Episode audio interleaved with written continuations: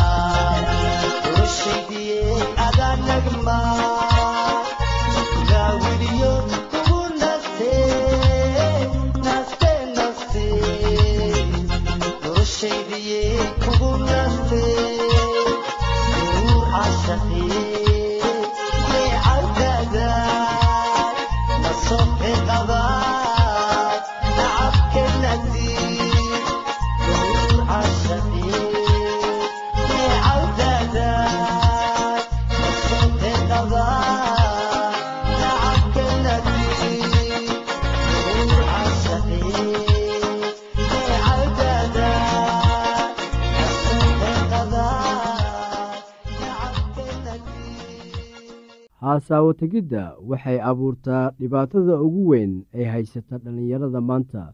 Inta badan waxa uu qofka dareemaa cabsi qalbijab ama fikir aad ku saabsan dhanka nolosha ugu muhiimsan. Qaar xitaa waxa ay dareemaan dhicitaan waayo aragnimo ay kala kulmeen haasaawaha tegidda awgeed. Waxay dareemayaan nacayb sababtoo ah waxa ay qofka ay jecel yihiin u muujiyeen daryeel iyo danayn taas oo aan looga jawaabin waa maxay haasaawo tegiddu maxaa ku soo dhacaya maskaxdaada marka aad maqasho haasaawo tegid gabar yar ayaa waxay haasaawo tegid ku sharaxday sida tan. Waa waayo aragnimo qaas ah oo ka dhalata marka wiil la kulmo gabar. Deetadana uu ku ballamiyo meel isaga oo siinaya wakhti cayiman. Markay kulmaan wakhtigii ay ballanta lahaayeen haasaawo yeeshtaan iyada oo uu macnahan sax yahay haddana waxa uu leeyahay micno dheer kaasoo ah xiriir ka dhex dhasha wiil iyo gabar. Waa saaxiibtinimo qaas ah oo ka dhex dhasha laba qof oo kala soo jeeda lab iyo dhadig. Xiriirkaasoo horseedaya is-xurmayn jacayl deetana guur u fiirso hasaawuhu mar waliba waxa uu la bilowdaa saaxiibtinimo. Runtii saaxiibtinimo qaas ah waxaa laga yaabaa inuu raaco jacayl iyo haasaaw uu jacayl ku jiro inta uu xiriirku korayo. Inkastoo labada qof ee isguursanaysa ay jecel yihiin in arrintan ay gadaal ka sameeyaan waxay noqonayaan laba isjecel. Intii aanay noqon laba saaxiib ah waxaa jira heerar uu qofku ku odhan karo. Runtii haasaawahanu wuxuu kobcayaa ama horumarayaa haasaawuhu waa il biyo ah oo ka timid saaxiibtinimada u dhexaysa laba qof oo kala ah lab iyo dhadig sida qofku ugu fiican yahay inuu saaxiibtinimo wanaagsan samaysto ayaa sidoo kale waxa uu ku guulaysanayaa hasaawaha. Haddii aad doonaysid hasaawo xiriir hor u kac leh waxaa qasab kugu noqonaysaa inaad bilowdid barashada ah sidii xiriir saaxiibtinimo oo wanaagsan loo samaysto. Heerka labaad saaxiibtinimadii ayaa waxay isu beddelaysaa hasaawo yeelasho. Hasaawuhu waxa uu leeyahay saddex weji mid waa hasaawo caadi ah mid waa qaas midna waa joogto. Waa maxay hasaawaha caadiga ah? Waa noocee hasaawo ee aanay la socon dareen qaad ah. Waxaad hasaawahan u samaynaysaa wakhti isku dhaafin adiga oo gabar meel u wadaya sida cashogeen ama shaneemo. Tallaabadan muhiimka ah ee wanaagsan waxay labadiinnaba fursad idiin siinaysaa in si dareen ku dhisan aad isu dhex gashaan oo aad fahamtid sida qofka kale uga jawaabo nolosha. Hasaawaha qaaska ah waxa uu u baahan yahay kacdoon dareen oo xadidan tusaale waxaa laga yaabaa in iskool ama koleejo ay ka jirto xaflad qaas ah. Marka wiil ayaa waxa uu ka codsanayaa gabar inuu dibadda u wadi karo isaga oo doonaya haasaawid habeenkaas. Hasaabaha joogtada ah waa marka laba qof oo da-yar isku taxallujiyaan inay haasaawahooda si joogto ah u wataan ama ay caado ka dhigtaan. Heerka gacdoonka dareenkoodu la dhan yahay iyo sida ay ugu go-een lababa way ka duwan yihiin laba. Qaar waxay xiriirka u isticmaalaan sida gaashaan in aanay u dareemin kelinimo heerka saddexaad ee hasaawuhu waa wakhtiga ay isu diyaarinayaan nikaaxa. Wakhtigan isaga ah waa wakhtiga u dhexeeya hasaawaha joogtada iyo wakhtiga nikaaxa. Labadii wada lahayd hasaawo joogto ah waxa ay u wada hadlayaan sidii iyaga oo leh xiriir joogto ah oo waxay u qorsheenayaan waxyaalo ku saabsan arooskooda. Weli arrintan shaaca kama aanay qaadin. Weli taariikhdii aroosku dhici lahaa ma aanay isla meel dhigin. Mana diyaarinayaan qorshe ku saabsan arooskooda. Hase yeeshee haddana waxa ay isu diyaarinayaan inay isguursadaan oo waxa ay ka hadlayaan mustaqbalka guurkooda kadib wakhtigan dhexdiisa labada isguursan rabto waxa ay eegaan oo tijaabiyaan dhaqankooda goolalkooda iyo qorshaha mustaqbalkooda. Kadibna waxaa imaanaya heerka afaraad kaasoo shaaca laga qaadayo nikaaxa iyo qorshaha ah inay isguursanayaan. Heerka shanaad ee ugu dambeeya waxa weeye isguursashadii horta inta aanan la isguursan waa inuu nikaaxa dhacaa. U fiirso waxaan idhi guurka ka hor waa in heerka nikaaxa la soo maraa. Laakiin waxaa jira kuwo isnikaxsaday oo aan weli diyaar u ahayn inay isguursadaan. Inta badan waxaynu maqalnaa warar ku saabsan guur burburay laakiin waa dhif in la maqlo war ku saabsan nikaax burburay. Hase yeeshee waxaa wanaagsan inuu nikaaxiinu burburo. Intii aad isnikaaxsan lahaydeen oo kadibna is-aroosi lahaydeen. Deetana arooskiinii burburi lahaa. Wakhtiga nikaaxa waxa uu u oggolaanayaa labada isguursanaysa inay ka wada xaajoodaan mustaqbalka oo ay qorsheeyaan wixii ay samayn lahaayeen sannadka ugu horreeya ee guurkooda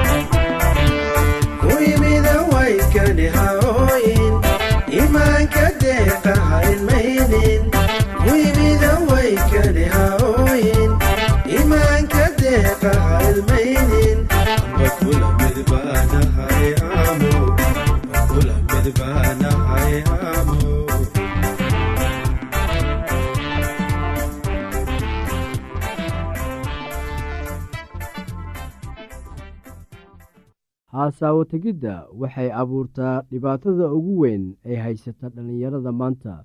Inta badan waxa uu qofka dareemaa cabsi qalbi jab ama fikir aad ku saabsan dhanka nolosha ugu muhiimsan. Qaar xitaa waxa ay dareemaan dhicitaan waayo aragnimo ay kala kulmeen haasaawaha tegidda awgeed. Waxay dareemayaan nacayb sababtoo ah waxa ay qofka ay jecel yihiin u muujiyeen daryeel iyo danayn taas oo aan looga jawaabin waa maxay haasaawo tegiddu maxaa ku soo dhacaya maskaxdaada marka aad maqasho haasaawo tegid gabar yar ayaa waxay haasaawo tegid ku sharaxday sida tan. Waa waayo aragnimo qaas ah oo ka dhalata marka wiil la kulmo gabar. Deetadana uu ku ballamiyo meel isaga oo siinaya wakhti cayiman markay kulmaan wakhtiga ay ballanta lahaayeen haasaawo yeeshtaan iyada oo uu macnahan sax yahay haddana waxa uu leeyahay micno dheer kaasoo ah xiriir ka dhex dhasha wiil iyo gabar. Waa saaxiibtinimo qaas ah oo ka dhex dhasha laba qof oo kala soo jeeda lab iyo dhadig. Xiriirkaasoo horseedaya is-xurmayn jacayl deetana guur u fiirso hasaawuhu mar waliba waxa uu la bilowdaa saaxiibtinimo. Runtii saaxiibtinimo qaas ah waxaa laga yaabaa inuu raaco jacayl iyo haasaaw uu jacayl ku jiro inta uu xiriirku korayo inkastoo labada qof ee isguursanaysa ay jecel yihiin in arrintan ay gadaal ka sameeyaan waxay noqonayaan laba isjecel intii aanay noqon laba saaxiib ah waxaa jira heerar uu qofku ku odhan karo. Runtii haasaawahanu wuxuu kobcayaa ama horumarayaa haasaawuhu waa il biyo ah oo ka timid saaxiibtinimada u dhexaysa laba qof oo kala ah lab iyo dhadig. Sida qofku ugu fiican yahay inuu saaxiibtinimo wanaagsan samaysto ayaa sidoo kale waxa uu ku guulaysanayaa hasaawaha. Haddii aad doonaysid hasaawo xiriir hor u kac leh waxaa qasab kugu noqonaysaa inaad bilowdid barashada ah sidii xiriir saaxiibtinimo oo wanaagsan loo samaysto. Heerka labaad saaxiibtinimadii ayaa waxay isu beddelaysaa hasaawo yeelasho. Hasaawuhu waxa uu leeyahay saddex weji mid waa hasaawe caadi ah mid waa qaas midna waa joogto. Waa maxay hasaawaha caadiga ah? Waa noocee hasaawe ee aanay la socon dareen qaad ah? Waxaad hasaawahan u samaynaysaa wakhti isku dhaafin adiga oo gabar meel u wadaya sida cashogeen ama shaneemo. Tallaabadan muhiimka ah ee wanaagsan waxay labadiinnaba fursad idiin siinaysaa in si dareen ku dhisan aad isu dhex gashaan oo aad fahamtid sida qofka kale uga jawaabo nolosha. Hasaawaha qaaska ah waxa uu u baahan yahay kacdoon dareen oo xadidan tusaale waxaa laga yaabaa in iskool ama koleejo ay ka jirto xaflad qaas ah. Marka wiil ayaa waxa uu ka codsanayaa gabar inuu dibadda u wadi karo isaga oo doonaya haasaawid habeenkaas. Hasaabaha joogtada ah waa marka laba qof oo da-yar isku taxallujiyaan inay haasaabahooda si joogto ah u wataan ama ay caado ka dhigtaan. Heerka gacdoonka dareenkoodu la dhan yahay iyo sida ay ugu go-een lababa way ka duwan yihiin laba. Qaar waxay xiriirka u isticmaalaan sida gaashaan in aanay u dareemin kelinimo heerka saddexaad ee hasaawuhu waa wakhtiga ay isu diyaarinayaan nikaaxa. Wakhtigan isaga ah waa wakhtiga u dhexeeya hasaawaha joogtada iyo wakhtiga nikaaxa.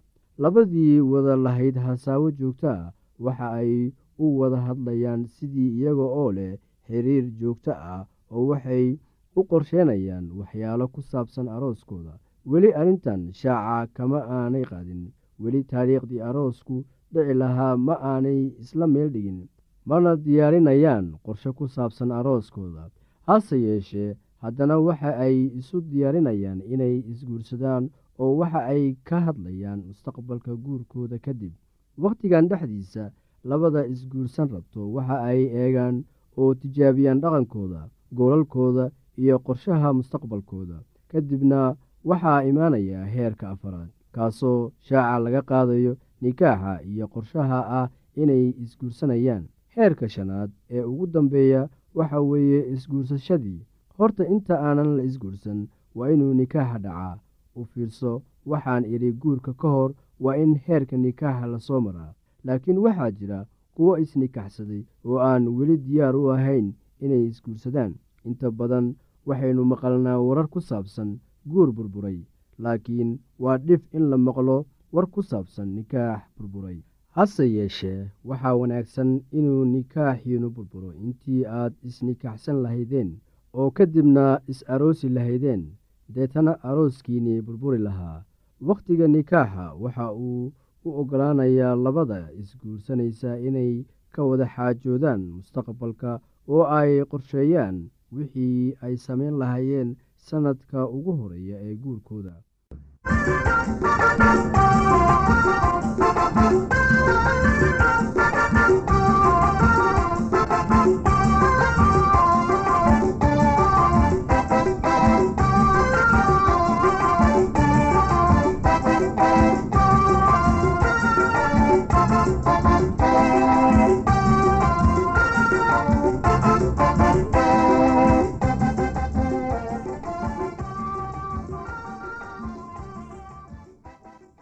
haddii aad qabto wax su'aalaha fadlan inala soo xiriir. Ciwaankeenna waa radio somaly at yahu t com. Mar labaad ciwaankeenna waa radio somaly at yahu t com. Barnaamijyadeena maanta waa naga intaas.